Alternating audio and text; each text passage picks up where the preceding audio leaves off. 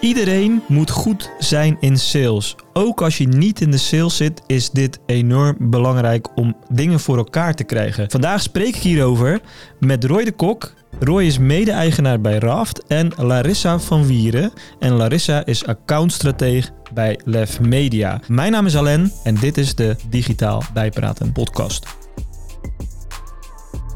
Laten we hem gewoon gelijk starten. En ik wil beginnen met een stelling voordat we kennismaking en dat soort dingen gaan doen. En ik heb de stellingen een beetje aangepast, want ik vond ze ook iets te generiek. Maar ik ga er even eentje doen.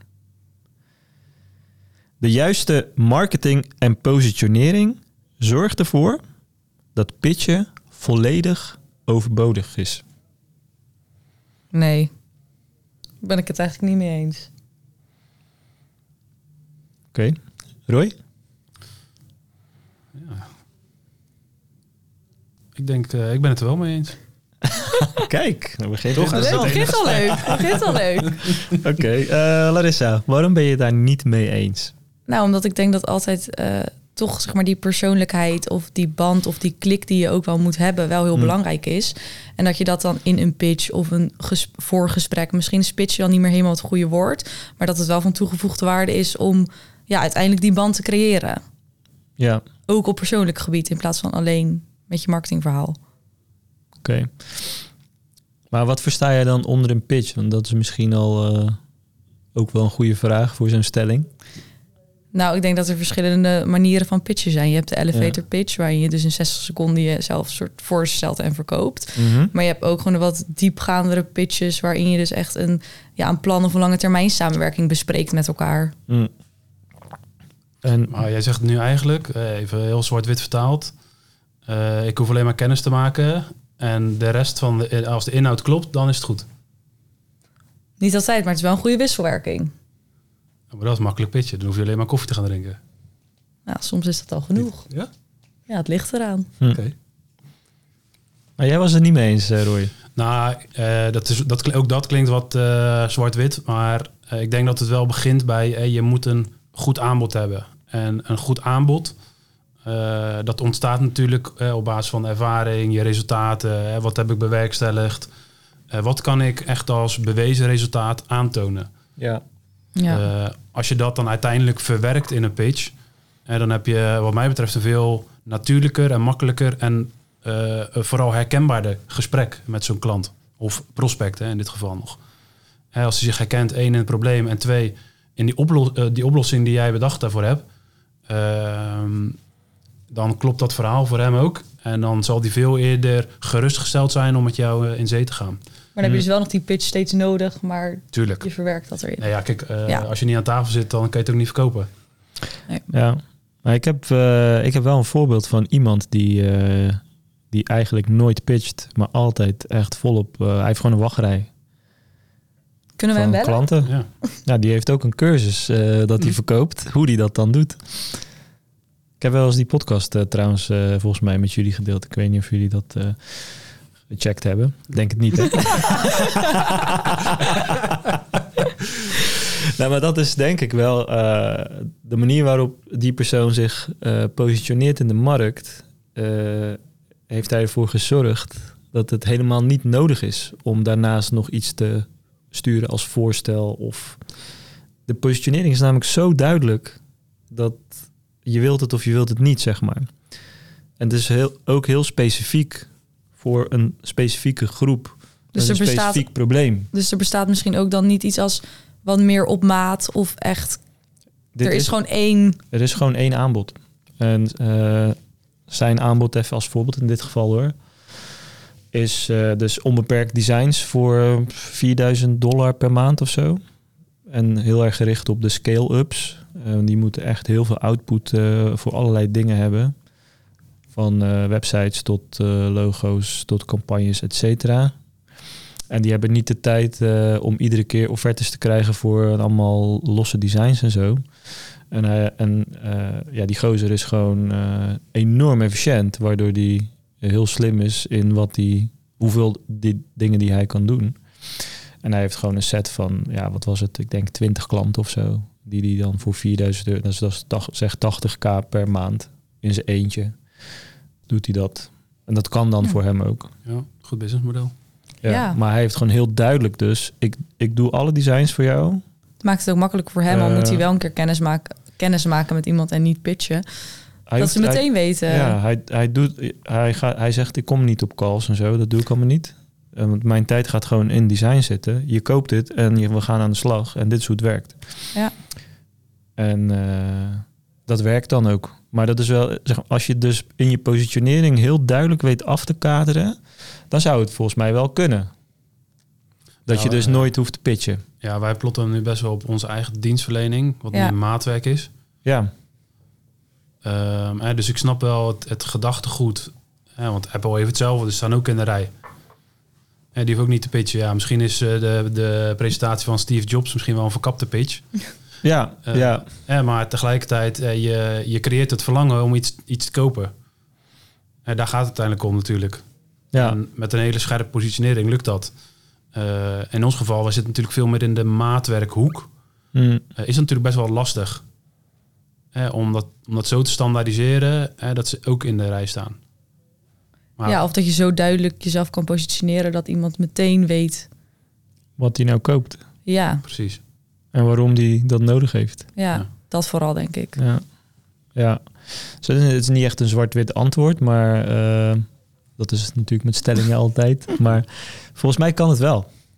En eh, alleen is, is het voor ons inderdaad vrij moeilijk, omdat wij, eh, maat, wat je zegt, maatwerk bieden.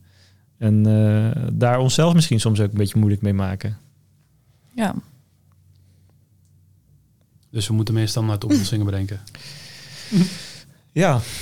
nou ja, of, of wel standaard pakketten waarin je dus nog niet zo diep op de inhoud gaat, maar iemand koopt gewoon een bepaald idee. Alleen hoe je dit creatief gaat invullen, daar kom je dan achter tijdens de reis, zeg maar. ja. Maar dan weet hij wel een beetje de richting waar hij naartoe gaat. Ja, dat denk ik ook. Ehm, goed, we kunnen hier lang over praten, maar voordat we verder gaan, wel even handig voor, de, voor onze publiek om eh, te weten wie, eh, met wie ik nou eh, aan het praten ben. Nou, Roy, vertel. Die hebben we te maken. Roy, vertel eens, wie ben jij? Wat doe jij? Eh, ik ben Roy, ik eh, run het online marketingbureau eh, Raft. We zijn twee jaar geleden gestart vanuit de visie, een beetje in het verlengde van de stelling, eh, dat alles maatwerk is en alles begint bij een strategie. Hè. Dus we plotten heel erg op jouw doelen, eh, jouw doelgroepen, jouw uitgangspunten, jouw, jouw problemen en hoe kunnen we daar een eh, reis voor opstellen. En nou ja, vanuit Raft is natuurlijk het gedachtegoed, we gaan eh, en net als echt in het water met elkaar peddelen. Dus we gaan die reis versnellen. Dus de reis naar succes hebben wij de kennis en mensen voor in, in pacht om ja, daar een stukje sneller richting het einddoel te gaan. Oké, cool. Ja. Ehm, ik heb jou eh, uitgenodigd omdat jij eigenlijk wat ja, best wel een track record hebt in commerciële rollen. Dus dat is wel interessant rondom het thema pitchen. Eh, dus daar straks eh, meer over. Eh, maar eerst even Larissa. Ja. Wie, ben jij en wat doe jij? Nou, ik ben Larissa. Eh, ik ben eh accountstrateeg bij Lef Media. En nou ja, we zijn eigenlijk een zakelijk vlog- en videobureau. Dus ja, we vertellen het verhaal door middel van verschillende soorten content. En ja, voor die reis om te bellen met Roy heb je natuurlijk ook wel diverse content nodig. Om ook die doelgroep aan te spreken. En daar zijn wij voor. Ja, jullie werken heel vaak samen volgens mij, hè? Ja. Ja. Ook in een commerciële rol? Ja, nooit gedacht. nooit gedacht. dat ik dat nee? zou doen. Nee, Nee, want eh, waarom niet eigenlijk? ik dacht ik ga niet de sales in. Dat is Nee. niks voor mij. Ik vind het wel leuk om te praten, maar eh, Had je daar ook een negatieve associatie bij, sales? ja, een klein beetje wel. Ja? Ja, want Waarom ik dacht, het is alleen maar verkopen, mensen overhalen. En Dingen Daar- door de strot douwen? daar ben ik helemaal niet van. Ja. Maar eh, het bleek toch leuker te zijn dan ik dacht. En wat is er eigenlijk leuker dan je dacht? Nou, ik denk dat als je uiteindelijk een product of dienst of iets verkoopt waar je dus ook in gelooft en iemand echt verder mee kan helpen, dat het dan een stuk leuker is om je ermee bezig te houden en ook echt iemand ja, wilt helpen. Hm, In plaats van alleen iets hard te willen verkopen. ja, zij een beetje ook je perceptie op het vak eh, sales is veranderd. Ja, Ja. ja, het heeft ook wel een beetje een vieze associatie, hè, sales, van, vanuit het verleden, denk ik. Of niet? Ik denk dat, dat eh, iedereen er anders naar kijkt. Ja. Want je hebt mensen die worden echt gelukkig van sales. ook dus van die harde en, en zeg maar Ja. koude sales, die vinden dat gewoon heel gaaf. Ja. Ja, oké, maar ik bedoel meer als je, als je hebt, als, als iemand met de, de functietitel sales jou belt of contact, is je eerste reactie vaak van, hmm, jij, Ja. komt, jij komt mij iets verkopen, hè? Toch of niet? Nee, ja, dat sowieso. Eh, maar goed, dat, datzelfde geldt eh, aan onze zijde natuurlijk. Ja, Eh, dus los van de functie, uiteindelijk, eh, als er een behoefte en een probleem is, eh, dan maakt het denk ik niet zo gek voor uit. ja, Eh, maar ik, ik hoor jou ook een beetje zeggen, ja, koude sales. ja, Hè, dus uit het niks krijg je een berichtje van iemand op LinkedIn of in je mailbox. En eh, onderaan staat eh, inderdaad iets met sales. Ja. Ja, dan haak ik ook af. ja, Hè, maar dat zegt minder over de persoon dan, eh, zeg maar, dan over het proces, wat mij betreft. ja. Ja, ik, ik krijg ook eh, regelmatig nu van, eh, van die filmpjes. Ja. En dan denk je, ja, dit is helemaal persoonlijk of zo. Maar het is helemaal niet persoonlijk. Dan is het gewoon een filmpje waar die door mijn website heen scrolt. Maar ja, hij vertelt gewoon een generiek verhaal. Terwijl ik denk, ja... En dat plot hij op, de web, op jouw eh, website. Dat heeft niks met die website, dat heeft niks met het filmpje te maken. ik heb een paar keer ook teruggegeven. Ja, leuk dat je een filmpje stuurt, maar wat Ja. heeft eh, eh, zeg maar het feit dat jij door mijn website scrolt te maken met wat jij zegt? Nou, dan heeft hij eigenlijk Ja. denk ik zijn, zijn propositie en zijn verhaal nog niet echt helder. Want hij Nee, moet wel nee. op gesprek komen, wil hij iets kunnen verkopen bij jou. precies. Ja, ja. Maar goed, de, dat terzijde. Hey, eh, vandaag gaan we in op eh, sales en pitchen. Veel van onze luisteraars slash kijkers zitten ook wel een beetje in de marketing gerelateerde hoek. Dus sales is niet per se direct iets waarmee ze te maken hebben. Maar indirect ook wel, want ja, ik denk dat sales eigenlijk overal wel in zit. Je moet altijd mensen weten te overtuigen of eh, te inspireren een bepaalde stap te nemen. Dus ik wil ook een beetje met, met eh, ja, dat idee eh, verder dit gesprek aangaan. Dat die marketeers daar ook een haakje voor hebben. Maar laten we eens even kijken bij sales en pitchen. Pitchen is zo'n paraplu-term, hè? Wat verstaan we dus echt onder pitchen? Want ik denk als je dat aan vijf mensen vraagt, dat je vijf verschillende ideologieën over pitchen krijgt. Dus al, voordat we verder gaan in het gesprek, misschien even eenduidig, hoe kijken wij? hoe, wat is pitchen? Ja. Wat is voor jou Pitchen pitchen? vind Ja. ik eh, dus iemand of een groepje proberen te overtuigen of te inspireren over de oplossing die jij te bieden heeft, of de samenwerking die we kunnen aangaan om uiteindelijk een doel te behalen. Oké. Als ik het niet nog abstracter kan vertellen. Nee, maar Maar dat, is, dat, dat is eh, een startpunt, ja. oké, ja. En of dat dan lang of kort is, Hm. het gaat om dat doel. Nou, lijkt me een mooi uitgangspunt, toch? Ja. En wat hoort er bij, eh, bij pitchen? Is dat een presentatie altijd? Of is, is een pitchen soms ook een gesprek? Eh, Maakt dat wat uit? Zeker. Nee, kijk, vaak eh, wat ik herken is dat we ja, naar één soort eh, hoogtepunt toeleven. En dat is vaak een presentatie. En met een voorstel erin. En dat is vaak de pitch. Ja. Maar even, even definitie kwestie. We hebben net over een, een groep of een individu overtuigen. Ja, je overtuigt niemand met één Nee. eh, moment. Eh, Nee, of één presentatie waar je meteen een soort alles over de boeg gooit. Daarvoor vinden misschien nog of een kennismaking, een gesprek plaats. Zodat je ook duidelijk weet wat bijvoorbeeld het pijnpunt of het vraagstuk is. Zodat je uiteindelijk tijdens dat hoogtepunt eh, daarop ja, kan antwoorden. Ja. Precies. Oké. Idealiter heb je dat het een formaliteit is, zeg maar die eindpresentatie. Ja. En eh, denk ik ook om de, ehm, de verwachting dus aan de andere kant ehm, oké te krijgen. Dat zij ook weten met wie ze te maken hebben. En voor ons is het ook fijn om uiteindelijk dus ehm, iets concreets op papier te hebben. Zoals we, zodat we ook weten hoe de samenwerking verder zal verlopen. Hm. Ja. ja. Maar er zijn dus best wel wat eh, ja, touchpoints natuurlijk tussen, tussen die, het begin en die eindpresentatie die bijdragen. Wat ei- uiteindelijk natuurlijk wel onderdeel is van je pitch.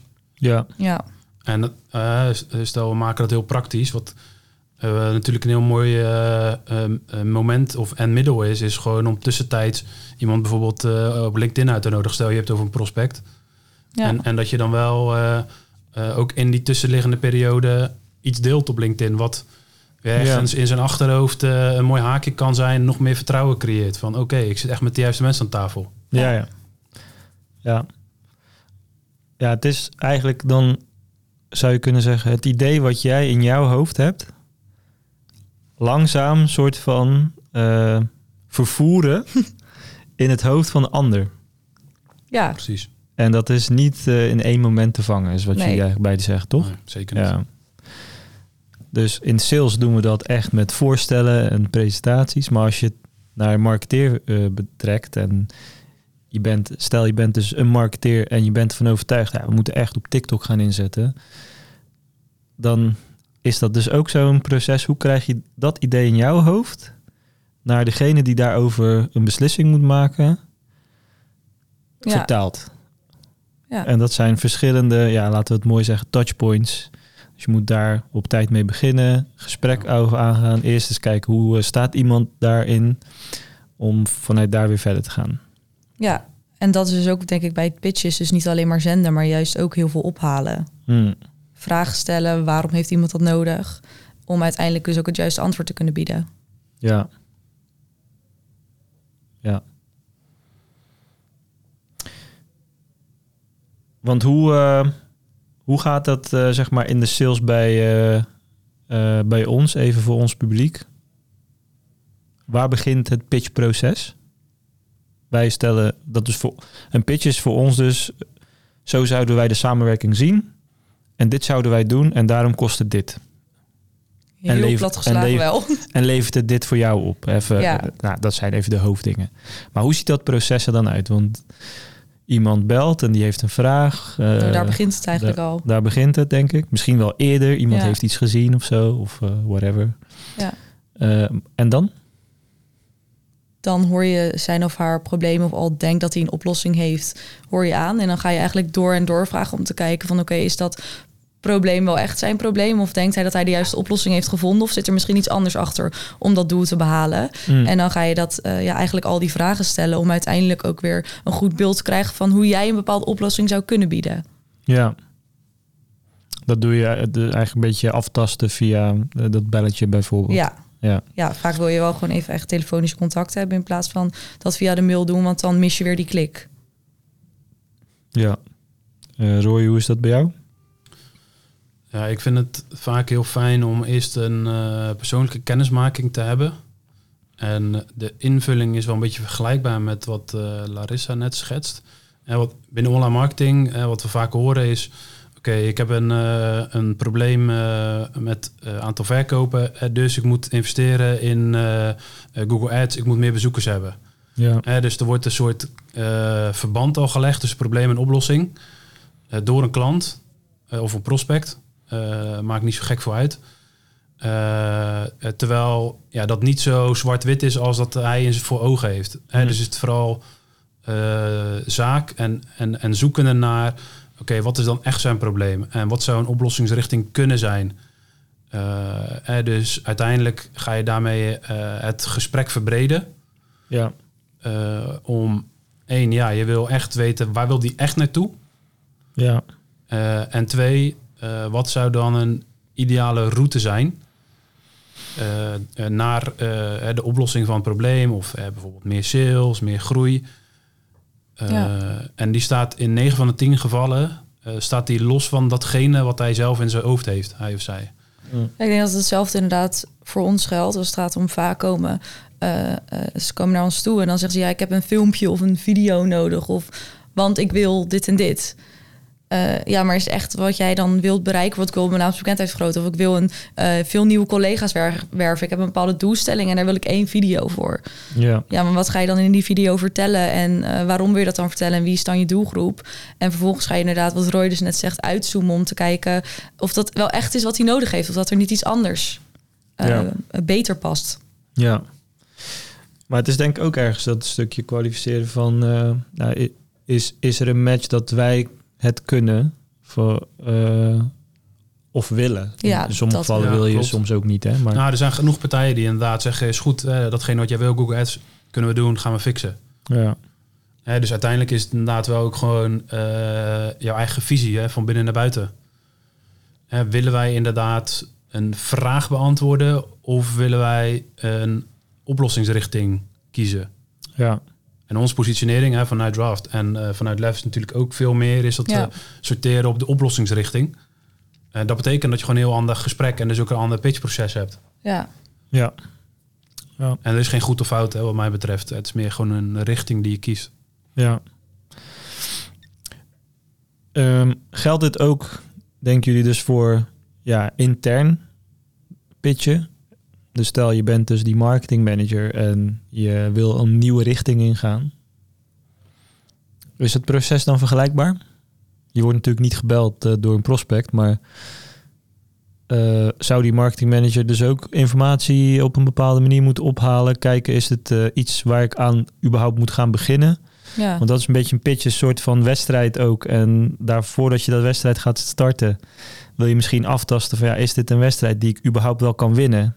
Want als ik hem niet kan winnen, moet ik het überhaupt dan aan deze wedstrijd gaan beginnen. Ja, of misschien moet ik, een andere wedstrijd gaan spelen. Ja, of moet ik daar dan tijd in investeren? Ik denk dat zo'n marketingmanager ook heel goed moet kijken... oké, in welk speelveld zit ik en wat is er allemaal? En ja. heb ik nu iets in mijn hoofd, maar klopt dat wel echt met wat ook realistisch is, wat er kan gaan gebeuren? Ja, precies. Dus als die verandering uh, extreem groot is voor het bedrijf waarin je zit bijvoorbeeld...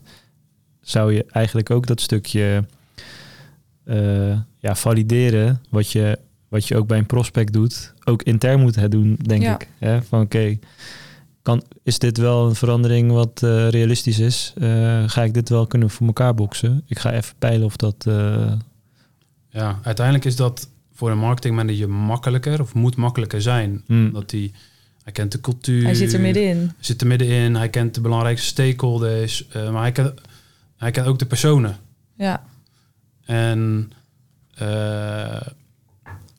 het is natuurlijk ook best wel goed om te beseffen uh, wie, is, uh, wie staat er boven mij. Aan wie moet ik als eerste pitchen als marketingmanager.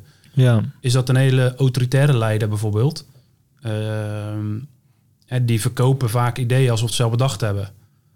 dus als jij als marketingmanager jouw idee verkocht wil hebben, dan zul je degene boven jou moeten voeden met informatie, zodat hij het zelf uiteindelijk gaat verkopen. Is een hele andere aanpak van je pitch. Ja. ja.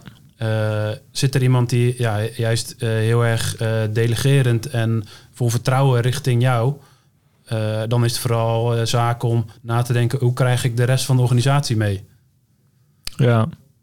Eh, want het gaat veel meer over van beneden naar boven. met een autoritaire leider die zegt gewoon oké, dit is het idee, dit gaan we doen. En ja. maakt me niet uit hoe, regel het. Ja. En dus dat, uh, daar, daarmee heb je dus extra informatie over de mensen in je organisatie om je heen en die belangrijk zijn. En die dus nog, uh, waar je dus nog meer op in uh, zou kunnen en moeten spelen. Om in ieder geval jouw idee uiteindelijk en jouw stip op die horizon, om die ja, te gaan bewerkstelligen. Ja, en ja. ook voor zorgen dat je daar denk ik dus bewust van bent. Dat je dus die facetten wel mee moet nemen om uiteindelijk ervoor te zorgen dat je diegene kan overtuigen. Ja, oké. Okay. Hey Roy, je hebt de rol van uh, ja, commercieel directeur, zou, is dat, ik weet, of commercieel manager, uh, waarbij in ieder geval een marketingmanager onder jou zat. Hoe heb jij dat destijds ervaren als een marketingmanager met nieuwe ideeën kwam? Wat uh, schoot jij af en wanneer voor, ja, werd je goed in meegenomen voor je gevoel? wat ik vaak afschoot en ehm, is, ik, eigenlijk stel ik altijd maar twee vragen. Eén, wat kost het? Twee, wat levert het op? is natuurlijk heel plat en uh, uh, helemaal niet uh, 100% van het verhaal. maar wat ik vaak merk, is een marketeer is heel erg bezig met de droom. Mooie dingen. En minder met de business case. Wat levert het op? Ja. wat krijg ik er echt voor terug? Um, en dus met dat soort vragen schoot ik het niet per se af, hè, maar probeerde ik wel in ieder geval mijn marketingmanager aan het denken te zetten van oké, er moet dus ook een opbrengstcomponent altijd terugkomen in mijn pitch. En dat kan heel hard op sales zijn hè, of, of resultaat, maar dat kan ook op proces zijn. Ja. ja. Hè, stel, je wilt met elkaar uh, een, een, een hoger cijfer bewerkstelligen voor uh, klantbeoordeling. Ja, er zit natuurlijk veel meer op het proces. Hè, want alles wat je aan het begin doet, ga je niet direct al resultaat. Hè, dat, ja, dat, bouwt, langzaam, op. Ja. Hè, dat komt te voet, gaat te paard. Um, maar als je daarmee wel bewerkstelligt dat ja, alle medewerkers hè, met een bepaalde actie, die uh, bedrag X kost, alle medewerkers uh, daardoor zelf al iets happier zijn. En ja. uh, het subdoel daarvan is dat de klanten ook dat gaan ervaren en meebrengen ja, dan heb je natuurlijk ook een opbrengst. Ja. Dus dat verhaal, eh, dat wilde ik graag terugzien. Ja. Zat dat er niet in. Hè, dus dan schoot ik er niet per se af. Hè, maar dan was dat wel altijd eh, de reden om te zeggen, nou, even Terug naar de tekentafel. terug naar de tekentafel. Ja, ja. Zeker. Ja. En jij bent natuurlijk een best blauw persoon. Eh, Dus ook data gedreven al überhaupt van Ja. de manier van werken. Ehm, zou iemand die dezelfde rol heeft gehad als jij, maar bijvoorbeeld een geel persoon zou zijn, juist eh, op andere manier denk jij dan? Zeker. eh, Zeker. Nou, die, eh, dus die zit veel meer, meer in de hoek van eigenlijk wat ik net schetste. Die wil veel meer dat het zijn idee is. ja, ja, Hè, dus dan zou ik aanraden, geef daar handvatten voor. ja. Hè. Hoe laat je jouw leidinggevende denken dat het zijn of haar idee is? Hoezo is dat altijd dan bij een eh geel, geel persoon, zei je net, toch? Ja, nou, dat is de, de diskkleur. Ik weet niet of Ja, je die, eh, die ken ik, maar ik kan kent. me redelijk identificeren met een geel persoon, Ja? denk ik. en ik denk niet altijd dat dat zo hoeft te zijn, dat, ik dan moet, dat je dan moet denken dat het jouw idee is. Ik denk dat je misschien op andere eh, snaren eh, zijn of haar gevoel raakt, wat bij jou dus datagedrevenheid is. En wat bij een geel persoon misschien veel meer motivatie of inhoud of ja, soft doelen heeft, denk ik. Ja, de, meer de emotionele kant Ja. bijvoorbeeld. Ja, Ja, dus dan wel op het sentiment zitten en Ja. eh, op de droom. wel met ook de business case met goede resultaten. Want ik denk dat je dat in alle tijden in je moet hebben als je die functie hebt. Ja, Ehm, maar misschien net, net linksom in plaats van rechtsom. ja. Mhm. ja. Maar kijken jullie daar dus ook zo naar wanneer eh, je gebeld wordt door een nieuwe prospect? Van oké, wat voor type persoon heb ik nu tegenover me? Of ben je echt puur bezig met die vraag op dat moment? Ik denk dat de vragen ook afhangen van dat type persoon wat je voor je hebt. En Ja. dan niet per se misschien in de kleuren, want aan iemands telefoongesprek kan je misschien al wel een beetje afleiden van oké, die zit een beetje zo in elkaar of die stelt hele directe vragen of die draait eromheen. Dus vanuit daar kan je wel een beetje aftasten welke vragen je moet stellen. Maar ook denk ik welke functie diegene heeft in een bepaald bedrijf of wie iets aan jou vraagt, welke vragen je terug moet stellen. Wat is voor hen, wat is voor hen wel belangrijk en wat niet? Ja, ja. Jij bent daar volgens mij wel wat bewuster mee bezig met de persoon, hè? Als, eh, in in, zo'n proces al. Ja, klopt. Dat merk ik in ieder geval bij jou. Ja, eh, maar dat, uiteindelijk is dat natuurlijk ook... Hè, zodra je daar zelf mee hè, binnen teamverband... ga je op sturen, juiste kleuren, juiste personen... wat past bij elkaar, waar gaat iemand lekker op... welk type vragen past bij wie. Eh, daar word je steeds beter in... en dat, dat leer je dan ook meer en meer toepassen binnen zo'n eh, traject. Ja, En wat mij eh, daarin al heel vaak helpt, dat ik wel vooraf inderdaad probeer in te schatten of tijdens dus zo'n gesprek, oké, wat zit er tegenover mij? Dus welk type vragen zou, moet ik stellen? Ja, dat doe je eigenlijk vooraf al. Ja, Over echt bewust over sowieso vooraf. Ja, Eh, en ook tijdens het gesprek wil je daarop anticiperen. Ja. Maar hoe bedoel je vooraf? Wat is dan het vooraf? Nou, vooraf, eh, ja, je, je probeert gewoon een profiel in je hoofd te schetsen van, oké, hè, op basis van eerst eh, mail of telefoongesprek, van oké, welk type persoon zit er mij tegenover mij? Als jij een mail krijgt met eh, van vier pagina's met heel veel eh, details en dieptevragen, ja, dan weet je bijna al zeker, eh, dat is heel erg taakgedreven, dat is heel blauw. Hè, dus dan eh, helpt het mij om bijvoorbeeld enerzijds te schetsen als, hey, laten we gewoon eens die business case maken. Ja. En dan stel je me meteen gerust van, oh shit man, dat wilde ik eigenlijk zelf doen, maar iemand gaat me helpen. En twee, tijdens zo'n gesprek veel meer vragen stellen over, oké, en hoeveel en hoe vaak, zeg maar, cijfergedreven vragen. ja. eh, die je uiteindelijk sowieso nodig hebt. Hè, dus het gaat niet om de vraag, hè, maar om Wel hoe je hem het, het stelt. type vraag eh, wat past bij het vraagstuk. Ja. ja. En Hoe eh, doe jij dat, eh, Larissa? Ik doe dat nog wel een klein beetje meer op gevoel. Ja, dat, ja, snap ik heel goed. Ja. Dus eh, inderdaad ook gaan kijken hoe iemand reageert eh, en hoe, of die, ja, hoe enthousiast is of wat hij precies wil weten van het vraagstuk, zeg maar. Om, Ja. om te kijken hoe je daar dan weer op reageert en welke vraag je dan weer terugstelt. Hm. Ja, dus nog echt op, op eh, intuïtie meer Ja. eigenlijk. Ja. Werkt niet altijd hoor, maar Nee. Nee? zo word je ook eh, learning by doing. eh. ja, dat is, ook zo- toch? Dat is bij iedereen denk ik wel een Ja. beetje. Dus dat, is, eh, dat geeft ook niet. Ja, want ik denk zelf dat ik dus in mijn rol ook nog heel erg zoekende ben van.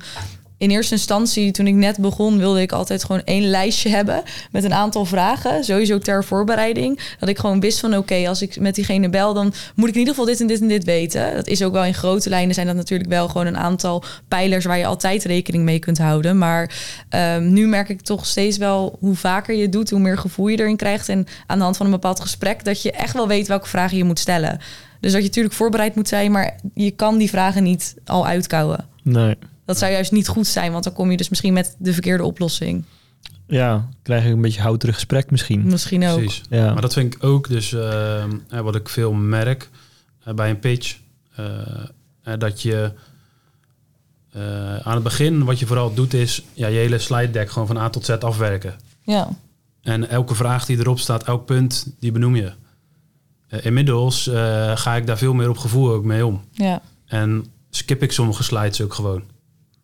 En omdat ik inderdaad dan probeer aan te voelen... wat is echt relevante informatie voor dit type persoon. ja. Ja. Wat zijn jullie eh, grootste struggles in het proces van pitchen en sales? Larissa, waar loop jij nou echt tegenaan waar je denkt van ja, fuck man, ik eh, vind dit echt eh rete moeilijk. Nou, ik denk eh, ook een beetje wat ik dus inderdaad net vertelde. Dus echt inderdaad dat voorproces en die vragen stellen. Mm, Eh, hoe je de juiste vraag aan de juiste persoon stelt. En ook wanneer je dus weet wanneer je genoeg informatie hebt verzameld om uiteindelijk dus ook echt het juiste voorstel te doen. Soms denk ik, eh, denk ik dat ik al te snel denk te weten wat de oplossing is. Terwijl ik dan misschien toch nog wel even de vraag achter de vraag moet stellen. oh ja, oké. Dat, eh, daar loop ik wel eens tegenaan. Heb je een situatie die je zou kunnen delen waarin het voor jouw eh, gevoel achteraf volledig mis is gegaan, waar je het verkeerd hebt aangepakt? Ja, ja ik denk het wel. Eh, we kregen een keer een aanvraag binnen. Het was een, een, eigenlijk al een soort briefing... waarin al in een soort drie Word eh, of drie pagina's stond van... oké, dit willen we bereiken, dit is de planning. De, de- zoveel aantal video's, echt heel specifiek. Mm, Toen heb ik eh, diegene inderdaad wel eh, proberen te bellen. En eh, eh, nou, Lieke heeft ook nog een paar keer proberen te bellen. Geen reactie. We hadden wel een bepaalde deadline. Want er waren dus nog twee andere bureaus die dan ook meededen. mm. Ehm, maar eigenlijk las ik, lazen we wel een klein beetje in die mail van... hey, we zijn wel heel erg enthousiast over jullie. Dus wij dachten eigenlijk van, nou oké, als we dus die pagina's aanhouden... en we maken daar een voorstel van, dan zijn we het eigenlijk bijna al. Want ze zijn al, ze zijn al een soort fan van ons. Oh ja. Zonder diegene gesproken te hebben, hebben we een voorstel uitgebracht. Waar we dus ook best wel wat tijd en energie in hadden gestoken. Want het waren best wel een aantal video's waar we ook al een beetje na moesten denken over het concept. Ja. En vervolgens kregen we terug dat, dat ze het heel graag met ons hadden willen samenwerken. Maar dat ze dat andere idee toch net even wat creatiever vonden. Mm. Dus dat ze daarom voor de andere waren gegaan. En toen dacht ik van ja, ik heb nu wel echt tijd gestoken in het voorstel. Wat, waarvan ik eigenlijk niet wist of ik waar überhaupt afgerekend zou worden. ja, en of überhaupt ik de kwalificatie dus al goed had doorstaan om te kijken of het wel echt bij ons paste en dat wij bij hen pasten. Ja. Wat zou je nu doen als de, deze vraag nog een keer komt dan? Eh, nou, sowieso eerst bellen en eh, vragen om een kennismaking. Ook al hebben zij al heel duidelijk voor ogen wat ze willen hebben. Je weet nooit of dat echt is wat ze, wat ze zoeken voor hun probleem. Ja, maar ik wil echt een, eerst een voorstel. Want ik ga niet, eh, ja, ik heb geen tijd om kennis te maken. Dan wil ik alsnog eerst bellen. Oké, Anders is het misschien niet de juiste partij. oké. Goed. Ja. Roy, wat is jouw eh, grootste uitdaging op dit gebied?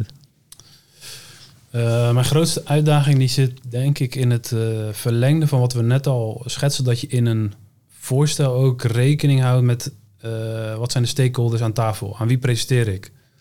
Ik merk vaak dat we het grote plaatje richting een marketingmanager presenteren. Ja. Even als hoofdaannemer. Maar hij heeft natuurlijk boven hem nog een commercieel directeur of een financieel directeur die er iets van vindt. Of, of aan de onderkant juist een contentmedewerker. En eh, ik merk vaak eh, nu eh, in gesprek of achteraf of dingen die juist niet door zijn gegaan, eh, dat je ehm, ja, net een klein uitstapje naar een van die andere stakeholders aan tafel, dat dat wel waardevol kan zijn. Ja. Dat dat dus ook weer kan helpen om te overtuigen. Exact. Ja, want uiteindelijk gaan zij natuurlijk stel, zitten er drie aan tafel. Hè? Dus je hebt een uh, content medewerker, een marketing manager en een commercieel directeur. Alle drie hebben ze andere vragen, andere belangen. Ja, en op alle drie gaan ze anders aanstaan over een Precies. bepaald onderwerp. En vaak richten we ons nog te veel op die centrale, die marketingmanager. Uh, maar het kan best wel uh, lonen, denk ik. Ik weet niet, dus daar loop ik tegenaan. om ook die andere twee in je kamp te krijgen. Hè? Dat als dat interne overleg plaatsvindt, dat ze alle drie het idee hebben van... Ja, shit man. Dit is goed. Dit is goed voor mij. Ja. Ja. Dus dat is voor jou nog een beetje zoeken. Ja. oké, wat... wat eh, Maar vooral, hè, dus welk, één, welke informatie hou je op? mhm. Hè, dus wat vinden alle drie de lagen belangrijk? Je kan niet drie keer kennis maken. Ja. En hoe verwerk je dus ook weer alle drie die lagen of die belangen wel in een pitch of presentatie, dat het wel eh, nog duidelijk en Exact. overzichtelijk is. Precies, precies. Gaat er veel tijd zitten in pitch opstellen? Als je het goed wil doen wel. Ja. Ja, Ja, dat hebben we ook wel gemerkt in gezamenlijke pitches. Ja, dat je echt al een strategie aan het uitdenken bent. Eh, wie is die doelgroep? Wat hebben we daarvoor nodig? Welke content zou passen? Eh, dus je bent eigenlijk veel meer bezig al met het invulling geven aan een traject ja. eh, een samenwerking. Eh, in plaats van dat je gewoon eh, even een, eh, een PowerPoint kopieert en plakt en eh, een ander eigenlijk je standaard- naam. je standaard pitch inderdaad van hey, Precies. dit, dit kunnen wij doen voor jouw oplossing. Maar echt al dus ook om dus die mensen aan de andere kant te overtuigen. Eh, van oké, ja, we willen met jullie werken, want die ideeën zijn er al. En daar gaan ze eigenlijk al op aanstaan. Ja. Maar dat kost dus wel extra tijd, want je moet daar wel echt een, een, ja, een idee op maat voor bedenken. Maar het zit natuurlijk wel in wat we natuurlijk bij de eerste stelling eh, hebben gezegd. In een maatwerk aanpak. Ja, Als jij een standaard aanpak hebt, ja, dan kun je inderdaad gewoon eh, ja, een eh, pitch deck eh, opsturen die gewoon standaard voor iedereen is. Hm. Is heel erg afhankelijk wat je aanbiedt. ja. Of in het geval van, eh van Alain, dat met het voorbeeld ehm, dat je eigenlijk een bepaalde propositie al zo helder hebt dat je een eigenlijk is die propositie dan soms nog vaag, want de creatieve invulling moet dan nog komen. Maar ze kopen gewoon een soort het idee of het, het product. Ja. Als in als ik hem even plot op, het, eh, op een video, dan zou je dat natuurlijk ook kunnen plotten op video. Van hey, we gaan in, in zo de aankomende tijd zoveel dingen doen op het gebied van video. Maar wat we daar allemaal voor gaan doen, die creatieve invulling, dat gaan we dus bedenken als we gaan beginnen. Ja, en dat is eh, voor sommige type bedrijven, eh, ja, maar hoe zit dit dan? En hoe, dus die haken daar denk Ja. ik ook weer op af. En voor andere bedrijven is het ja, eindelijk, ik hoef, eh, ik kan gewoon gas geven en ik zie het wel. Ja. Dus dan heb je denk ik wel een positionering voor een specifieke groep, waarschijnlijk. We doen heel veel recruitment marketing bijvoorbeeld. Toch? Waarin heel veel verschillende soorten output nodig zijn. En soms zit ik bijvoorbeeld te denken, ja, moeten we dat nou iedere keer gaan pitchen op zo. Ja, het riedeltje is zeg maar in hoofdlijnen hetzelfde, toch? We fixen gewoon kandidaten voor jou. Ja, Eh, en dat doen we op een duurzamere manier dan recruiters. Want we bouwen ook aan je merk. ja, Stap 1, 2, 3, 4. En het gaat je dit kosten per kandidaat. Versus eh, wat je nu bij recruiter waarschijnlijk eh, betaalt, X, Y of. Z- z- zou dat kunnen, denken jullie? Dus hey, de vraag is employer branding en recruitment marketing. Wij, wij zijn daar, durf ik wel te stellen, best goed in gepositioneerd eigenlijk vanuit onze ervaring. Misschien brengen we het nog niet goed genoeg naar buiten. Maar dat je dus je tijd om te pitchen weet te verkleinen. Of misschien zelfs helemaal weg kunt nemen, omdat die positionering zo duidelijk is op dat stuk. Dat ze eigenlijk alleen maar komen met: eh, Ik wil dit. dat zou wel heel mooi zijn. Hm. Eh, ik denk wel Ik dat niet- het zou kunnen. Ehm, maar dan moet je ook echt wel positie kiezen in eh, hoeveel wil je aannemen, hoeveel collega's zoek je. Ja, Eh, want je aanpak is natuurlijk significant anders als je vier mensen zoekt of je zoekt 400 mensen. ja, Ja. precies. Dus die moeten heel, ve- best Dus- wel veel bold eh, keuzes maken. Precies. Dus dan moet je jezelf positioneren. Bijvoorbeeld zeggen van ja, eh, wij zijn er alleen voor bedrijven die minimaal 100 mensen per jaar eh, nodig hebben. Ja, En anders niet. Dan zou het denk ik zeker wel kunnen. ja, Maar dan sluit je dus de rest helemaal uit. Hè? Ja. En dat is vaak eng hè, voor eh Keuze marketeers ook. altijd eng. hè? ja. Wilt iedereen helpen? Ja, nou ja, het is meer, je wilt zelf eh, niet iets mislopen of zo, denk ik. Dat het vaak het gevoel is daarbij. In de positionering. Maar tegelijkertijd hierbij, hè, we hebben ook... Uiteindelijk uh, gaat het nog steeds wel om die laatste 20%. Ik denk wel dat je 80% inderdaad kan standaardiseren, ook op dit vlak. Uh, maar we hebben bijvoorbeeld uh, ergens in sales dorpje dat we in twee fases aan het recruiten zijn samen. fase 1 was 55 nieuw technisch personeel. nou ja, in een klein sales dorpje. En nu komt de vraag, ja, we gaan nog een fabriek ernaast openen. We hebben nog 120 man nodig. Dan is je aanpak echt anders. Ja. Die moet ook anders. Want anders dan ga je het niet bereiken. Want je hebt al in diezelfde regio heb je het al geprobeerd te, te werven. En dat is gelukt. Alleen nu moet je nog eens het dubbele in op dezelfde plek. Maar is de aanpak dan echt anders? Ja. Ga je dan echt andere volgordes, andere dingen doen? Andere... Ga, nou, je gaat vooral, de invulling is vooral anders. Je aanpak is wel vergelijkbaar. Ja. Uh, maar je gaat er nog meer tijd besteden aan welke keuzes maken, welke doelgroep, waar zit die? Uh, dat vertalen naar, oké, hoe kunnen we die doelgroep dan nog beter uh, bedienen of vinden? Ja, ja, en ook bereiken op een andere manier. Dus niet weer of met dezelfde content of met soortgelijke dingen, maar nieuwe haakjes vinden. om ook weer ja, een nieuwe doelgroep op die plek aan te spreken. Maar dat is allemaal invulling, toch? Ja, dat is allemaal invulling. Dus uiteindelijk is je aanpak is wel vergelijkbaar. Uh, maar zonder een visie op die invulling ja, ga je ook nooit een goede pitch geven. Uh, of nou ja, aan de andere kant, misschien kan je wel een goede pitch geven, maar ga je nooit een goed resultaat boeken. Ja. Uiteindelijk gaat het natuurlijk om dat resultaat. Ja, of je, je moet er dus inderdaad voor kiezen in een, in een samenwerking waarin je dus uh, dat, dat die invulling pas op een later stadium na je pitch met elkaar gaat invullen. Als je dus wel al of dat vertrouwen hebt of uh, op de manier werkt wat alleen in zijn voorbeeld schetste. Dan zou je die invulling op een later moment bedenken. Alleen is dan die overtuigingskracht misschien minder sterk. Ja, ja maar die is dan ook misschien minder nodig, hè? Dat is het meer. Ik ben daar zelf ook, dat is, dat is misschien mijn struggle. Ik zit niet meer per se in de salesrichting uh, prospects en zo. Ik doe wel mee met pitches in de zin van meedenken en sparren, maar mijn uh, uitdaging was ook altijd: uh, oké, ik ga. Uh, ik was altijd heel enthousiast over bijvoorbeeld als ik een aanvraag kreeg en dan uh, merkte ik, ik ga er heel veel tijd in stoppen. Dan ga ik allemaal dingen bijhalen. Dus het kostte mij behoorlijk veel tijd om een pitch uit te werken. En ja, het heeft mij heel veel jaren gekost om uh, tot uh, zeg maar bepaalde inzichten te komen, om, om veel scherper te beoordelen.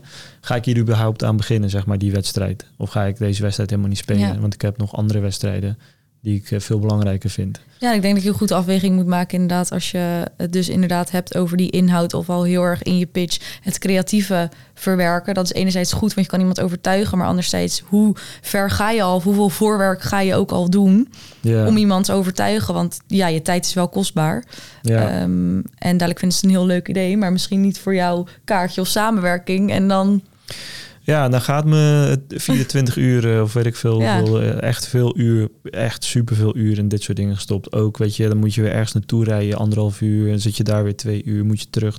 Ben je eigenlijk de hele dag kwijt voor die kennismaking. Daarna moet je onderzoek gaan doen, helemaal een plan bedenken. Moet je weer terug om dat te presenteren. Ja, we hebben het budget niet. Ja, wat heb ik gemist, man? Ja. Hoe kan dat? maar dat, ja, dat was mijn struggle altijd geweest, weet je wel. Van, ja, te, te, te gretig om, uh, omdat je zoveel ruimte ziet om zo'n klant echt te helpen. Uh, terwijl eigenlijk die klant uh, daar niet klaar voor was of zo. Of eigenlijk een andere ja. prioriteit had die je dan niet goed genoeg aanvoelde. Ja, en dus op welke manier zou je dat dan wel kunnen aanvoelen? Of is daar... Ja, ik merk dat ik daar wat kouder in ben geworden of zo. Waar ik de jonge Alain van vroeger was, uh, ja, vet man, ik ga gewoon de, de droom ga ik nu hierin verwerken. En nu heb ik zoiets van ja, uh, als je dit wil doen, zijn dit de randvoorwaarden, voel je daar comfortabel bij? Ja.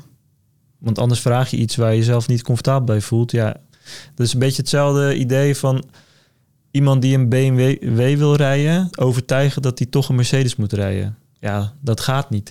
gaat hij niet doen? Nee, die gaat toch een BMW kopen. Dus dan ga ik hem geen Mercedes pitchen. Even zo gezegd. Uh, hè, dus ik probeer nu heel goed te peilen van ja, wil jij uh, zeg maar dat stukje kopen? Vind je dat belangrijk? Wat wij kunnen bieden. Of vind je het anders belangrijk? Want er zijn zoveel invullingen voor alle problemen. Ja. Uh, als je het hebt over een website, ik kan een website kopen voor uh, drie, tien, drie tientjes op een marketplace online. Uh, tot aan 3 miljoen bij de grote agencies. Ja, ja. ja, kies maar. Ik kan schoenen kopen voor een tientje, maar ook voor 1000 euro volgens mij. Ja, wat vind je belangrijk? En ik was vroeger, was ik daar helemaal niet zo mee bezig. Met wat vindt iemand belangrijk? Ik was heel erg bezig met ja, mijn aanpak is echt. Uh... Ja, dat is misschien dus ook wel meer inderdaad toch dat, dat Sendolf al in eerste instantie na een korte tijd denken te weten wat iemand nodig heeft. In plaats van dus het doorvragen en echt ja. duidelijk. En ook duidelijk zijn. Dus niet alleen het doorvragen, maar ook denk ik duidelijk zijn waar jij uh, als bedrijf voor staat en wat jij belangrijk vindt. En of dat matcht met degene die tegenover je zit. Ja, en uh, er is geen. Uh, dat leerde ik uh, van Sam. Sam uh, heeft ons een beetje geholpen met het vormen van de visie. En dat heeft iets minder met sales te maken, maar heeft wel wat overlap. En die zei: Er is geen goed of fout, maar er is mes match of mismatch. met mensen in dit geval, zeg maar mensen die voor je werken. Dus ja, ja, en dat heeft dan ook met visie te maken. Maar diezelfde ma match of mismatch is denk ik ook met de klant. Ja, is het erg dat die klant dan die website voor 30 euro wil? Ja, uh, helemaal niet. En de jonge alleen zou zeggen, hoe kan je nou 30, 30 er maar niks mee bereiken? Wat weet veel, ja. veel te overtuigd dat zeg maar, ik de heilige graal had of zo. Ja. Terwijl ja, het is gewoon iemand vindt iets anders belangrijk. Ja. ja. En uh, ja, dat probeer ik uh, naarmate ik wat verder kwam, zeg maar, in mijn eigen carrière. En ik was ook heel erg commercieel in, de carrière, in mijn carrière nog steeds ben ik steeds meer eigenlijk uh, veel meer die validatievragen gaan stellen. Van hey, uh, ja, kunnen wij uh, met elkaar, denken wij over de wereld hetzelfde, zeg maar. Op de punten waarin we elkaar moeten gaan vinden. En als dat niet zo is, ja, dan be, ja, was ik vroeger bang van, oh ja, dan heb ik weer een klant misgelopen. en nu is iets van, ja, oké, okay, dit, dit gaat nooit de klant worden ook. Dus nee. ja, dan kan ik hem beter misschien verwijzen naar iemand die hem veel beter gaat helpen dan dat ik ooit zou kunnen. Ja, ik denk ook wel een stukje inderdaad ervaring en, en uh, een beetje lef nodig om dat te doen. Want vaak denk je inderdaad van, ja, ik wil je toch graag helpen. Of ja, of, of, het voelt misschien alsof je arrogant bent of zo, weet je wel. Van, ja. ja. ik weet niet of je wel... Ja, dat hangt ook maar net vanaf hoe je dat brengt. Dat is meer de vorm van het gesprek. Maar uh, ik weet nog wel, de jonge Alain was ook wel van, ja, ik wil niet zomaar iemand gaan afwijzen. Want, en dat heeft er ook wel voor gezorgd dat we soms klanten binnenhaalden. Ja, te veel gezeik, allemaal gedoe. En ik niet blij, klant niet blij, mensen niet blij. Te ook veel niet uren, leuk. Uh, geen geld verdiend, uh, weet je wel. Ja, en, uh, ja, dan kan je de voordeur beter maar wat strakker dicht houden. En ja. uh, dan wel even van, uh, wat kom je doen? Voordat je iemand binnenlaat. Dat is helemaal niet zo erg eigenlijk. Nee. Dat was mijn les vooral. Ja, mooie les. Ja, ja, neem ik meteen mee. hey, jullie hadden het net al een beetje over de case Lamp Weston. Daar hebben jullie natuurlijk een hele mooie pitch voor gegeven. Mag ik dat een pitch noemen? Ja, wel. denk het wel. Dus wel de wat meer inhoudelijke pitch. Maar ja, een pitch. Ja. ja. Uh, jullie hebben die vertrouwen gekregen van Lem Weston voor een uh, vrij ja, langere samenwerking. Voor een, in ieder geval een jaar, geloof ik, als ik het goed zeg. En daarvoor werkten jullie al met Lem Weston. Dus er ja. was al vertrouwen. Uh, maar dat is nu eigenlijk ja, uitgebreid, even zo gezegd. Ja. Toch? Kun je me mee, wat hebben jullie in, die, in dat stukje pitchen gedaan? Hoe, hoe is dat gegaan? Wat was de vraag en uh, hoe hebben jullie uh, toegewerkt naar het voorstel? Ja, de vraag was uh, dus hoe kunnen wij een tweede fabriek met mensen vullen? Mm. Dat was in ieder geval een, dat was een van de grootste vragen. Er waren nog wat andere vragen, maar ik denk deze het meest belangrijk. Uh, waarbij we in een eerder stadium al dus de huidige bestaande fabriek, dus 55 mensen uh, voor uh, hebben gezocht en gevonden. En nu, oké, die tweede fabriek, die gaat er eind 23 gaat die er komen. We hebben daar weer 120 man voor nodig. Kunnen jullie ons helpen? Zeg maar, dat was even de grote vraag. En tegelijkertijd, naast ons, en was er een traject oké, wat als we deze vraag bij een recruitmentbureau droppen? Dus dat was voor hun de vergelijking. Dat was de vergelijking. Ja. Ja, dus een beetje eigenlijk de klassieke oplossing. Of eh, we hebben nu een, ja, voor hun doen een nieuwe Ja, eh, manier van eh werving, werving en selectie Ja, ja. ingezet. En eh, toen kwam die vraag. En wat deden jullie toen? Ja, toen eh, hebben we de koppen bij elkaar gestoken, denk ik. Jullie met z'n tweeën vooral? Of eh, nog Ja. andere teamleden? Nou, we hebben in eerste instantie natuurlijk ook nog wel, ja, dat noem je dan geen kennismaking wel meer, maar wel nog even een verdiepend gesprek van oké, wat zijn nou inderdaad echt die harde doelen die we moeten halen voor welke tijd en wat is daarvoor nodig? En met die informatie en ook mede denk ik omdat we het bedrijf natuurlijk al best wel eh, goed kennen, omdat we er eerder natuurlijk ook al eh, een campagne voor hebben gedaan. Mhm. Ehm, meteen aan de tekentafel gezeten en een brainstorm gestart van oké, hoe gaan we dat dan bereiken? Want we moeten wel uit diezelfde soort mensen in diezelfde regio het dubbele aantal behalen. Ja. In dezelfde tijd ook een beetje, of niet? Of had je wel iets meer tijd ervoor dan? Ja, we hebben wel iets langer, Iets, maar niet heel veel ook. maar niet heel gek veel inderdaad. Oké. Dus een verdiepend gesprek om even goed te valideren van begrijpen we de vraag echt goed? Eh, wat zijn de randvoorwaarden waar jullie dit gaan beoordelen? Eh, of jullie dit gaan doen en dat soort dingen? Ja, kijk, we, we brachten natuurlijk eh, wat kennis al mee van een eerdere campagne. Eh, hè, dus je hebt een heel waardevol openingsgesprek. eh, en, en dat is meer een ja, Ja. soort lessons learned. Eh, wat hebben we echt geleerd aan alle kanten? Hè? Eh, in de samenwerking, eh, in het binnenkomen van eh, kandidaten, tot, tot aan de het, content, de tot content, inhoud. het interne proces. Ja. En ja, dat geeft zoveel handvatten en richtingen om het vervolg weer, eh, weer naar een 2.0 versie te brengen. Ja, dat geeft ons denk ik ook alweer meteen sturing. Oké, waar moeten we op focussen tijdens de rest van ons, onze pitch, eh, om het zo maar te zeggen. Ehm, en wat is belangrijk en waar moeten we nog aan sleutelen om het beter te maken? En als je dat haakje hebt gevonden, dan ja, heb je zo voor een groot deel eh, ja, toch overtuigd. Ja. Ja, dus je had eigenlijk, hè, we, we hadden al vertrouwen, hè, want we hebben resultaat geboekt. Eh, en nu was het zaak om vertrouwen te krijgen om met een vergelijkbare aanpak het nieuwe doel Ja, eh, te bereiken. En dan Ja. moeten we natuurlijk wel ook gewoon eerlijk zijn en, en de werkelijke situatie schetsen dat het geen makkelijke uitdaging is. Hè, want nee. je hebt het over een kleine regio, heel specifiek eh, profiel wat er gezocht wordt.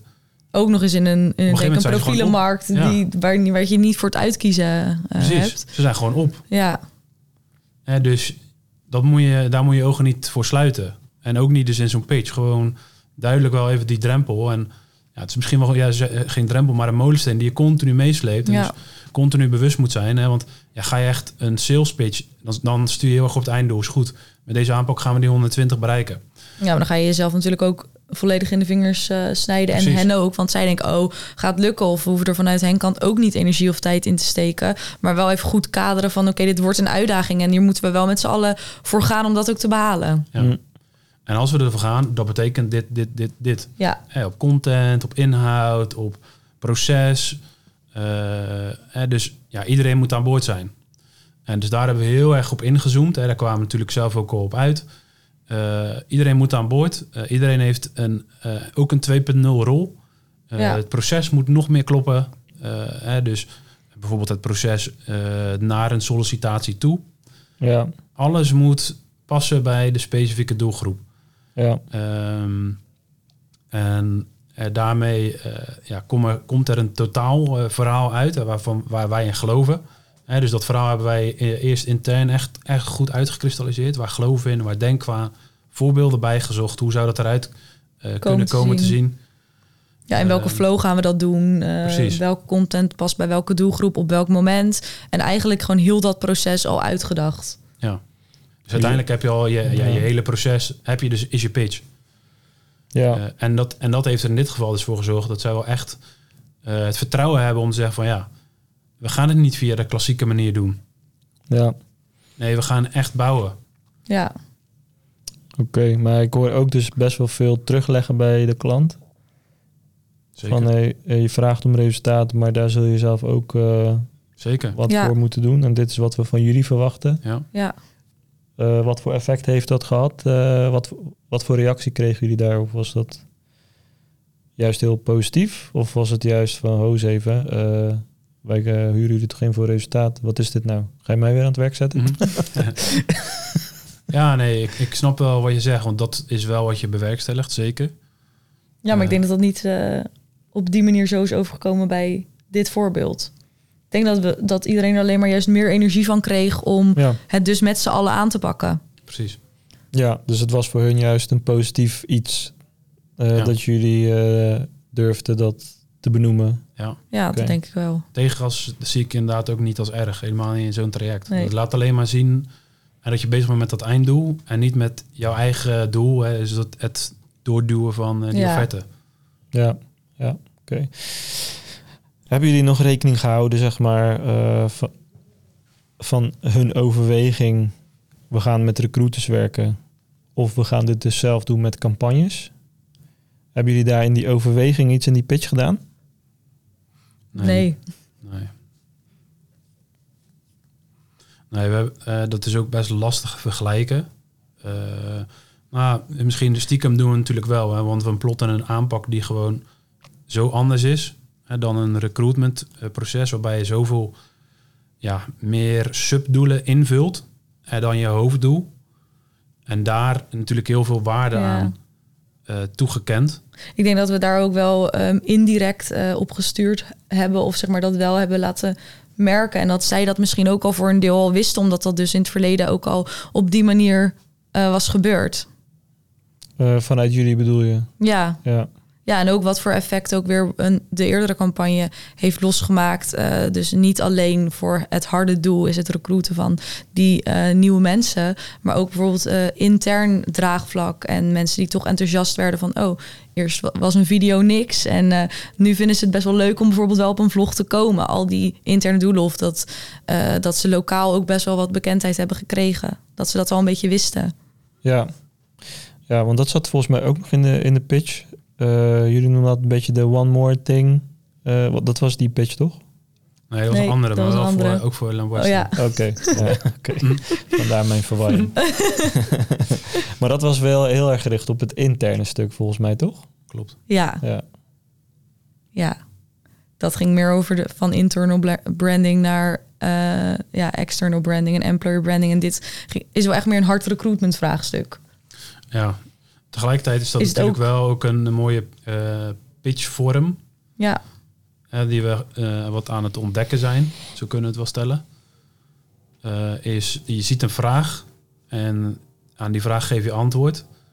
Maar we zagen ook in, in deze pitch uitvraag zagen we ja, nog een regel staan die één zinnetje. één zinnetje zagen we staan. En dat zorgde ervoor dat er iets bij ons ontstond. Hè, om iets te gaan eh, pitchen eh, waar ze dus nog niet zozeer om hadden gevraagd, maar wel het haakje voor hadden gelegd. Eh, en tegelijkertijd zou je dat natuurlijk in allerlei pitch-uitvragen al kunnen ontdekken of naar op zoek kunnen gaan. En dus altijd iets pitchen waar ze niet om hebben gevraagd, maar waarvan ze wel, als ze het hebben gezien of hebben gehoord, denken... Ja, Ja, dit shit, moet ik eigenlijk hebben. Of Dit dit moet had ik ik eigenlijk al ergens in mijn gedachten. En dat is eigenlijk dus misschien wel het voorbeeld wat jij ook zei. Van, je geeft eigenlijk een voorbeeld, maar die hebben ze zelf, die hebben ze zelf ook al bedacht. Ja. Alleen je geeft er invulling aan. ja oké. Ja, dus je hebt het eigenlijk aangewakkerd. Dat heb je aangewakkerd. Ja, Ja, en dat, eh, dus, dat hebben wij wel onder de noemer dat one more thing, hè, wat je bij Apple natuurlijk ook hebt. Je hebt een fantastisch product. Oh ja, nog één ding. Dat is, dat is echt next level. En daarmee krijg je ook de andere kant echt op de banken. Ja. Gewoon bijna letterlijk eh, klappen voor Enthousiast. eh, enthousiast en echt die energie. ja. Maar dat is een, een, een eh, verrassingselement, zou, Ja. je, zou je zeggen. Ja, En dat verrassingselement, dat lijkt me dan wel heel moeilijk om te zeggen in die eerste stelling die we hadden. Pitchen is niet nodig als je goed positioneert. Want als je dus nooit in die pitch zou zitten, zou je zo'n verrassingselement Klopt. ook niet hebben. Dan zit je heel erg in die vaste stramien. Ja. Ja. Ja, dan, dan kan je misschien wel ehm, niet dus in dat verrassingselement, maar meer organisch tijdens een samenwerking erachter komen dat er meer nodig is. Maar dat heeft natuurlijk niet hetzelfde effect als dat je dat op deze manier doet, echt in een pitch. Ja, ja, Ja, kijk, wat jij schetst is natuurlijk eh, een model wat schaalbaar moet zijn. Ja, Ja, dus je beperkt eh, je kosten, je proces en je proceskosten zodanig eh, dat het met één eh, vast omkaderde dienst of product heel makkelijk schaalbaar is. En we hebben het nu echt over een maatwerk aanpak natuurlijk. die, die is niet schaalbaar. Die is altijd Nee, één is op één. heel anders. Het is altijd één op één. Ja. Ja, en dat geeft eh, procesmatig vooral de uitdagingen, denk ik. Ja, maar eh, in het pitchproces vooral creatief. Ja. Zie je ergens iets waar je tussen de regels door eh, echt een, eh, een, een nieuwe oplossing voor kan bedenken. Ja, misschien is ook juist wel dat idee dus niet per se iets wat we dan morgen al met elkaar gaan uitvoeren, maar ook dus meer een visie en het lange termijn denken over waar we naartoe kunnen gaan. Ja, ja, En dat geeft me toch net dat stukje extra toegevoegde waarde. ja, ja, Dat kan een stukje extra toegevoegde waarde bieden. precies. Ja, dus dat is nog meer die droom. ja, Hè, dus je hebt eh, natuurlijk gewoon de praktische vraag. Hè, dus ik wil eh 100 man personeel. Eh, maar die, die droom is eh, misschien wel... Ik wil dat die eh, 100, van die 100 man personeel ook eh, over 10 jaar nog steeds bij ons werkt. ja, Ja. En hoe gaan wij die droom dan eh, vertalen nu naar een extra component in zo'n pitch? ja. Oké. Ik wil nog een, eh, misschien een beetje gevoelig ding aanstippen. Daar hebben we wel eens mee te maken gekregen. Niet heel vaak. We hebben het hier over resultaat. We hebben het hier over overtuigen. We hebben het ook over de business case gehad. Nou krijg je een, eh, een mooie opportunity. Eh, mooie samenwerking zou het kunnen worden. Maar de prospect zegt dan eigenlijk, nou, je, je verhaal is goed. Eh, maar ik wil, ik wil dit wel doen. Alleen ik wil eh, het doen op. eh, ik wil ook betalen op resultaat. Als jullie daar zo van overtuigd zijn. Dus je zegt eh, geen resultaat, niet betalen. Een beetje de no cure, no pay methode, zeg maar. Laten we zeggen dat het gaat om 100 medewerkers werven. En dat, dat, en dat je, dat je daar dus een voorstel voor hebt uitgebracht. En dat ze dat dan weer terugrekenen. En dat ze zeggen, nou, dat is inderdaad volgens mij efficiënter, kostefficiënter dan als we dat met een recruiter gaan doen. En we hebben al die andere voordelen. Dat we ook onze, werken aan onze zichtbaarheid en dergelijke. Dus ik zie de waarde wel. Maar ik, ik heb toch een beetje koudwatervrees, want dat is een nieuwe manier voor mij. Ehm, ik wil het risico met jullie delen. Niet eens een hele gekke beredenering voor zo'n ondernemende klant. Maar wat zou jij doen, eh, Larissa? Ik hoopte dat hij eerst naar Roy zou gaan, deze vraag. ja, aan de ene kant eh, zou ik denken... als je dus een bepaalde propositie hebt... dat je dus ook op resultaat verkoopt... of dat ook belangrijk vindt... en dat in je pitch heel erg naar voren komt... Mm. doe je dat al een klein beetje, alleen tussen de regels door. Want je maakt niet een direct een afspraak van... we gaan het 50-50 doen... maar je zegt gewoon, we gaan dat resultaat behalen. Mm. Hoe dan ook. Dus hoeveel Mm. uur daar dan ook in wordt gestoken. Ik denk wel dat je altijd ook de randvoorwaarden ervan moet inzien uh, hoe realistisch het is. Maar dan anders breng je zo'n voorstel niet uit. Ja? Dus je weet het eigenlijk wel. Dus ja, zou je het dan doen? Ja, met een beetje lef wel. Lef, zeg jij, heb Ja. je daarvoor nodig? Ja, ik denk het wel. Want je moet er wel echt zeker van zijn. Ja. Maar jij zou het eh, op zijn minst overwegen? Uh, overwegen, maar het wel zeker moeten weten. Ja, dat weet je natuurlijk niet. Ja, een lastige kwestie. Roy, wat vind jij ervan? nou, toevallig heb ik deze recent gehad. Dus oh, nou. Al, uh, nee, ik wist alleen zeker. ja, dat wist ik. Nee, dat wist alleen. Uh, maar tegelijkertijd, ik vond het toen ook lastig. En ik snap jouw uh, gevoel hierbij heel erg. Vooral, je ziet kansen.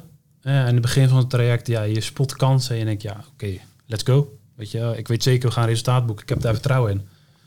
Uh, maar hoe meer en meer ik daar ook over na ben gaan denken, dat heb ik overigens niet meteen op, uh, op die manier teruggekoppeld hoor. Uh, als ik iets van, ja maar wacht even. Deze ondernemer die wil zijn risico gewoon volledig ja. bij mij leggen. Het is niet 50-50, nee, het is 100 of 0. Ja. Maar dat vind ik helemaal geen fijne samenwerking eigenlijk.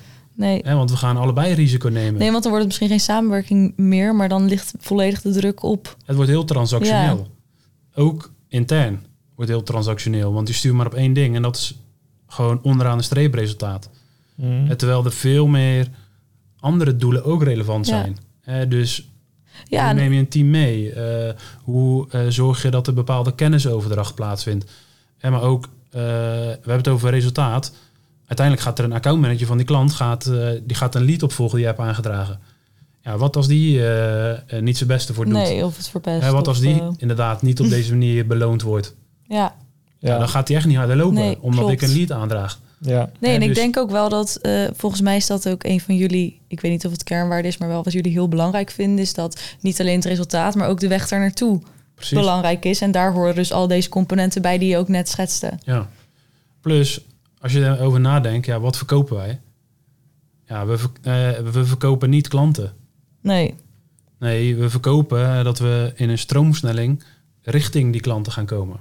Ja, Dat is dus inderdaad wat jij zegt, die weg er naartoe. naartoe. En daar gaan we iets harder voor, eh, voor peddelen. En dus we zorgen dat dat sneller komt. Ja, Maar uiteindelijk zijn er natuurlijk superveel factoren van invloed ja. ja, op uiteindelijk resultaat. En, Ja. als, en als dat jouw beloningsmodel is, ja, dan Ja. moet je op vertrouwen, hè, wederzijds vertrouwen, wel echt eh, eh, een flinke stap maken met elkaar. Eh, wil je daar eh, Ja. een model in? Ja. maar dus wel inderdaad met elkaar. Dus dat moet dan ook inderdaad van twee kanten komen. En daardoor kan je niet het, het halve risico in iemand zijn handen leggen, ja. Precies. eigenlijk. Ah, het, is, het is eigenlijk niet zo duurzaam. Nee, Het klinkt heel erg interessant wanneer je dit uitspreekt, maar het is helemaal niet duurzaam. Recruiters komen altijd met dit soort aanbiedingen richting eh, ons, maar überhaupt richting bedrijven. No cure, no pay. eh, je betaalt pas als de kandidaat binnen is. Ja, dat is wel hartstikke leuk en aardig, maar in de praktijk zie je dus heel erg dat de recruiters eh, dus een netwerk van kandidaten hebben die ze door je strot duwen. ja, Eh, de handtekening is gezet. Je mag eh, 8000 euro of whatever overmaken. En die kandidaat die wordt twee maanden later door een andere recruiter eh, wordt die weer weggekaapt. Want dat is een kandidaat die heel erg gevoelig is voor recruiters. Bijvoorbeeld. ja. Ja. En de recruiter denkt, ja, maar jij hebt toch gewoon die gast binnengekregen. Want eh, ik heb, mijn werk zit erop, hè? Eigenlijk is dit, deze situatie precies het idee waarom ik allergisch was voor de sales. Ja, Omdat je denkt van oké, ja, ik heb een idee en ik duw door je strot en we gaan het gewoon doen en dat is de eindstreep. ja. Eh, terwijl er veel meer dingen eh, belangrijk zijn en daar moet dan zo'n klant of potentiële klant wel ook zich van bewust zijn, want anders wil je die samenwerking misschien niet eens aangaan. Het is geen duurzame samenwerking op die manier. Eh, want dan gaan we ook shortcuts nemen richting het resultaat. En soms zou je kunnen zeggen, eh, ja, dat is toch beter, want eh, in minder tijd dezelfde resultaat. Maar ik denk ook dat de, dat de ownership omlaag gaat Ja, bij jou als opdrachtaannemer voor dit soort zaken. En dat wil je als opdrachtgever denk ik ook niet.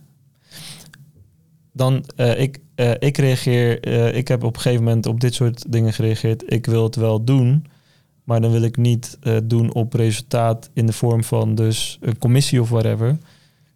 Ik wil het doen voor aandelen, want dan heb ik wel die ownership. En dan zijn we echt partners. ja, Nee, maar dat vind ik. Toch oké. even net Ja, oké, maar dan moet je gewoon investeren. Ja, zo werkt het toch? Tenminste, zo, dat is de visie dan die je Mhm. bij iemand neer kunt leggen. Maar ik denk wel, ik vond het wel interessant om even Ja. op te gooien. Ja, die in vraag. eerste instantie zou je naar het ene neigen. Eh, zeg Ja. maar, zou je denken van ja, maar dit is toch ook waar we voor willen gaan en eh, waarom niet? Ja, maar er zitten zoveel ogen en Ja. haken aan dat resultaat, wat niet alleen bij jou ligt als eh, partij. Want wat je inderdaad zegt, als die sales gewoon eh, bagger is, eh, of ze bellen niet na, of ze komen met eh, ja, kut voorstellen, of ja, dan komt het er ook niet, zeg maar. Nee. En dan zit je daar als partij. Eh, en aan de andere kant, ja, misschien heb ik wel in mijn netwerk twee eh, mensen die eh, precies dat product nodig hebben. Ga ik dat hele traject verkopen voor x bedrag en dan verwijs ik hem alleen door naar die twee mensen. Dan zeg ik, ben klaar. Ja, hier hou je er ook zelf niet echt per se de voldoening of de, het enthousiasme uit? Ja, ja. Oké. Hey, ehm, om hem samen te vatten. We hebben het heel veel over pitchen gehad. Voor die marketeers, hoe kunnen we dit eh, samenvatten dat de marketeer hier ook wat aan heeft? Ehm, ik denk waar we het in het begin dus over hadden, is dat je goed moet weten eh, wie zit er tegenover je. Niet Mm. per se per se heel de kleur- kleurenanalyse erop loslaten, maar wel goed weten, oké, wat is voor hem belangrijk en welke vragen moet ik stellen of met welke antwoorden moet ik komen. Hm, Dat dat heel belangrijk is en dat dat wel vergelijkbaar is in de sales en uh, voor zo'n marketingmanager. Ja, dus weet, uh, weet uh, aan wie je iets moet verkopen, Ja. je idee of je plan. Ja, Ja, en daarop aanvullend, naast wie, wat wil ik verkopen? Hè, wil ik inderdaad maatwerk of wil ik gewoon iets afgekaderd? Ja, dat eh, zorgt natuurlijk voor eh, ja, dat je voor een, ma- een match of mismatch uiteindelijk Ja. eh, schets komt te staan.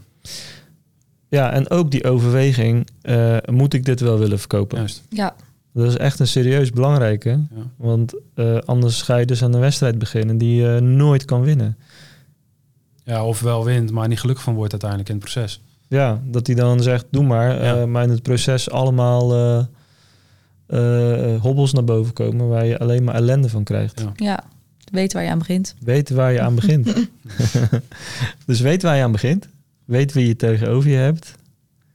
En weet wat je echt wil verkopen. Ja. Ja, Oké. Oké, Larissa. Nog één laatste tip op het gebied van sales. Die je aan marketeers kunt meegeven.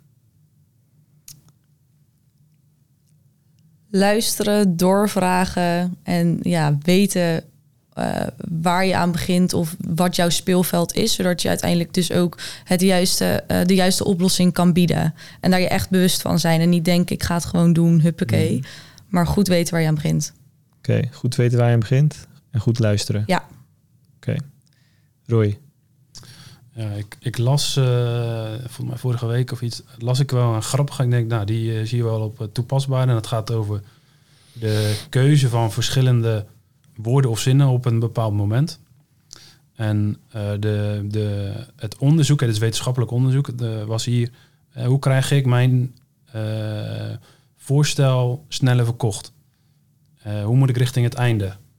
En de stelling, eh, dus er waren twee scenario's. Eén scenario is, eh, oké, dit is de prijs eh, en eh, nou ja, eh, we ontvangen graag je akkoord. En het andere scenario was, hey, eh, aan het einde van die pitch, eh, we hebben akkoord, je hoeft alleen even op deze prijs eh, je handtekening te zetten. En scenario 2 eh, was iets van 80 of 90 procent Verkocht. eh, was hoger ja. verkocht dan scenario 1. Dus je begint met het akkoord van, oké, dat is even dat grote moment.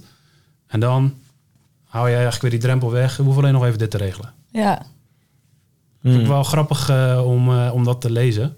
Ja, soms gaat het ook eh, maar om één woordje of net, net hoe je de zin zegt om iemand ook weer te overtuigen. Ja.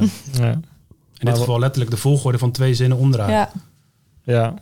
En wat is daarin jouw tip? Is Nou, dus eh, probeer. Ja, mijn tip is, eh, ik ga dat zelf dus ook eh, proberen. Ja, ja, gewoon, dus daar bewust van te zijn dat je in je woord of je zinskeuze of opbouw, dus al iemand makkelijker kan overtuigen. En we denken vaak heel inhoudelijk, maar het kan dus ook al gewoon zo praktisch. ja, wees er bewust van eh, de vorm waarin je het doet misschien. Ja, in plaats van alleen te focussen op de inhoud. ja. Hmm. Goeie. Kan ik ook misschien nog wat. Hmm. We hebben wat te doen vanmiddag. Oké, ehm, ik denk dat we hem even hierbij moeten houden. En ik hoop dat het een eh, leuk gesprek was voor de luisteraars. Zeker, ik heb er zelf ook nog wat van opgestoken. nou, dat is hartstikke mooi. Eh dankjewel en eh, tot de volgende. yes. Bedankt. Hoi.